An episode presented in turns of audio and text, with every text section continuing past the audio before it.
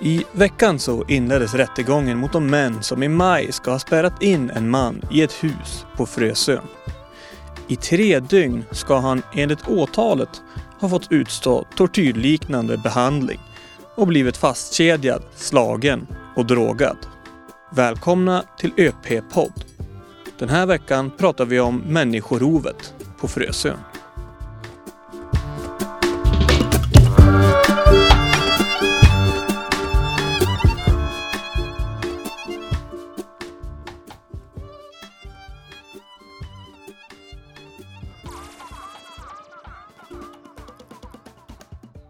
Karin Johansson, du är krimreporter här på ÖP och har följt det här fallet och väldigt uppmärksammat faktiskt också nationellt ju eh, med människorovet här. Men det är ju flera delar i det och det går tillbaka ganska långt tillbaka under det här året, till början på året helt enkelt. Kan du ge oss en redogörelse vad det är som har hänt egentligen i det här fallet?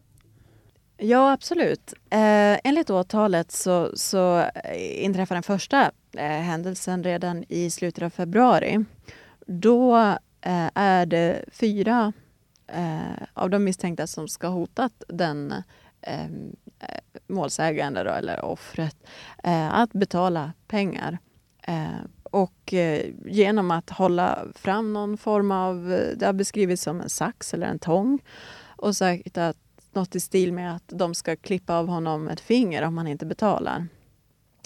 Eh, och han fick också ett hack i fingret. Eh, så det, det, var den första händelsen. Han fick en tidsfrist. De sa du ska betala pengarna senast klockan 12 imorgon. Vad som hände med den affären och pengarna, det vet jag inte. Men nästa händelse som inträffade är eh, det som människorosdelen. Då, och då är vi i maj. Då ska samma eh, person som blev klippt i fingret ha blivit eh, ja, tillfångatagen i tre dygn. Han eh, blev, eh, har han själv beskrivit, då, intvingad i en bil eh, i Östersund och bortförd till en, ett hus på Frösön där han spärrades in och eh, blev fast eh, kedjad i ett handfängsel under tre dagar. Det var i maj. Sen får vi spola fram tiden lite grann till eh, augusti eh, då det var en uppmärksammad händelse i eh, Torvalla. Som, som, eh, det, det, var en husrannsakan där och eh, polisen fann någon eh, sprängdeg och någon form av eh, sprängkapslar, tror jag det heter. Eh, så bombgruppen kom dit och det blev evakuering och stort pådrag. Eh, och i samband med det så greps en av de här personerna då, som är eh, nu misstänkt för, eh, för människorovet. Han är ju också misstänkt för den, det, det, det här... Bombtillverkning, typ? Ja. ja. Men ehm, ja, eh, så är det. Och eh, eh, jag kan ju säga det också att det är ju sju personer totalt som misstänks för de här för inblandning i, i människorovet. Och de har ju varit häktade allihop i olika omgångar kan man säga, men en av dem släpptes i somras. Eh, I övrigt så är ju de andra häktade. Ett gediget material att uh, gå igenom. Enormt. många bilagor och må många sidor. Men kanske centralt då för, för själva händelsen är väl det som hände i maj när den här personen, den här målsägande, ska ha suttit inlåst i, en, i ett rum på Frösön. Och där han under tortyrliknande förhållanden satt ett tag. Vad är det han säger i förhör och, och så som, som han ska ha utsatts för när han satt in, inlåst helt, helt enkelt? Mm. Eh, först så blev han ju eh, då, berättar han själv, eh, tvingad in i en bil eh, i, på, en adress i, i Östersund och sen så förde de bort honom till den här Eh, till det här huset på Frösön där han tvingades in och där um, ska han ha varit fastkedjad eh, vid ett räcke med eh, handbojor. Uh, och uh, han har sagt att han uh, inte fick någonting att äta förutom tre stycken råa potatisar och att han fick dricka vatten som de som vaktade honom då har spottat i. Och eh, de har, eh, ska ha slagit honom, berättar han, på, på olika sätt. Misshandlat honom. De hade bland annat en batong eh, som det finns bilder på i förundersökningen. Och de, han hävdar också att de tvingade i honom narkotika. Och sen efter tre dygn då så lyckades han fly eh, genom att han, hans handfängsel som han satt fast i då var bara knäppt till det yttersta hacket beskriver han. Så då kunde han eh, dra ur händerna så, och eh, eh, ta sig ut ur huset genom ett fönster på övervåningen ner på någon slags tak och sen hoppade han ner på backen och, och, och flydde till fots helt enkelt. Och då eh, var det, stötte han på eh, några eh, förbipasserande personer som, och, och berättade att, att han har varit inspärrad och att uh, han uh, och, och de här uh, människorna ringer då till polisen direkt som kommer till platsen och sen så inleds det någon sån teknisk undersökning. Mm. Väldigt dramatiska händelser får man ju säga. Mm. Detta. vad säger de åtalade? De förnekar brott och eh, rättegången inleddes ju eh, häromdagen. Då. Men, eh, men eh, av stämningsansökan här så, så, så, framgår det ju att de, de nekar till brott allihop. Mm. Okay. Eh, den här händelsen i Torvalla den blev ju också väldigt eh, uppmärksammad när det briserade så att säga. Det, det, var ju, det blev avspärrningar och evakueringar och så. Eh, vad gjorde man för fynd Ja, där hittade de sprängdeg och sprängkapslar.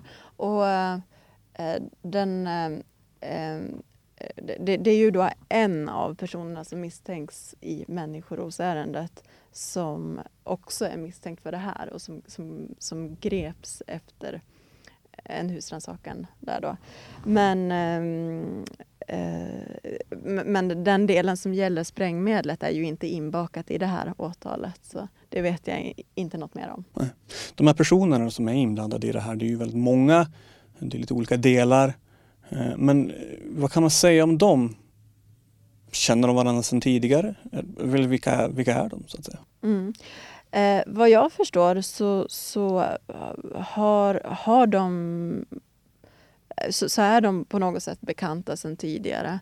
Eh, exakt vad de har för relation till varandra, det, det vet jag inte. Men, eh, men det, det, är ju en av dem, uh, mannen då som greps uh, i samband med den här bombincidenten där man hittar sprängmedel.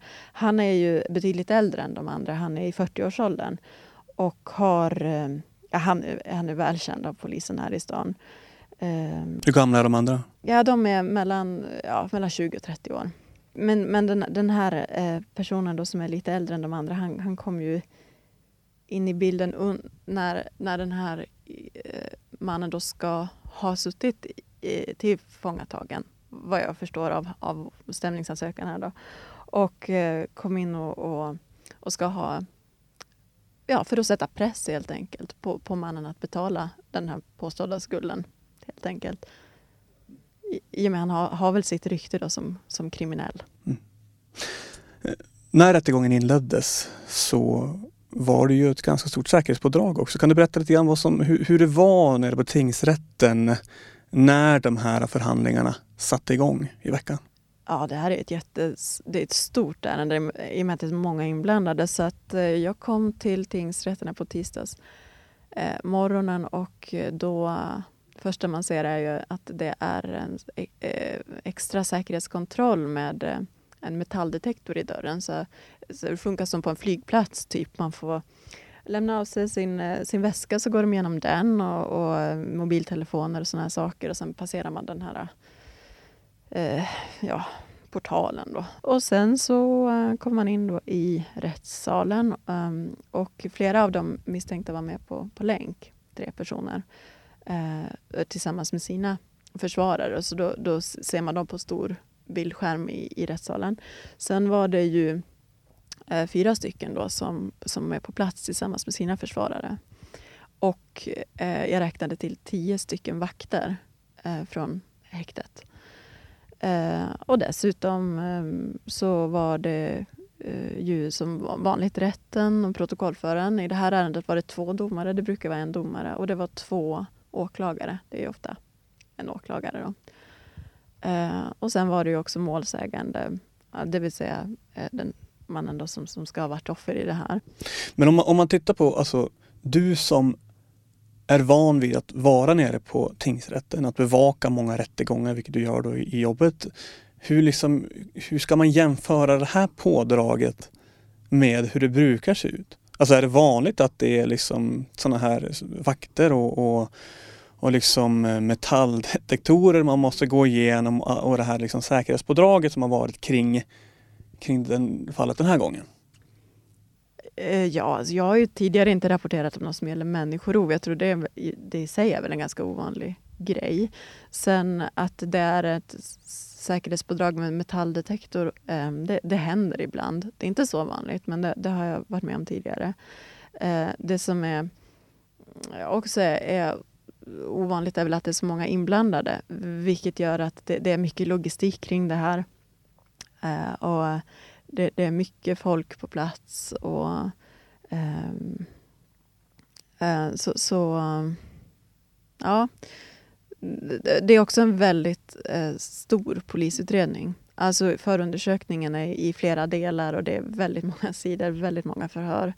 Eh, så det måste ha tagit ja, lång tid för och, eh, polisen att utreda det här. Och i, I bevisningen, det kanske du, du undrar över, vad, vad finns? Man har gått igenom mobiltrafiken eh, eh Eh, mellan de här inblandade personerna. Då. Man, man, eh, i, I efterhand så har man kartlagt vilka master de har varit uppkopplade mot för att se vilka adresser de kan ha varit på när och vem som har pratat med vem. Eller, eh, jag vet också att de tog upp en eh, Whatsapp-konversation till exempel. Eh, och, och man, man, har beslagtagit deras mobiltelefoner och gått igenom dem. Så det är inte bara telefonsamtal utan det är också ja, vad man kan ha skrivit till varandra genom appar. Och, så. Ja, så det, och, och vittnesmål förstås det ingår ju också i bevisningen från olika personer. Hur många dagar pågår rättegången? Eh, det ska vara 17 dagar totalt. Så det är ju en ovanligt, eller ja, lång förhandling. Du kommer att följa det här naturligtvis. Eh, hur kommer bevakningen att se ut framöver? Eh, hur kommer den märkas på ÖPs hemsida och, i, tidningen.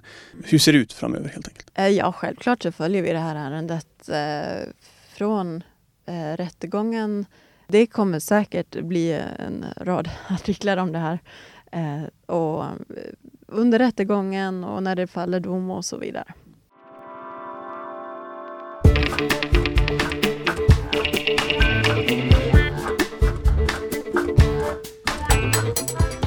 Det här var då allt från ÖP-podd för den här gången. Jag som gjort programmet heter Petter Hansson Frank och medverkande var krimreporter Karin Johansson. Musiken i avsnittet är gjord av Jeris och låten heter Blind Love Dub och finns uppladdad till sajten Creative Commons. Prenumerera gärna på podden i din podcastspelare så att du inte missar framtida avsnitt. Tack så mycket för att du har lyssnat. Vi hörs snart igen.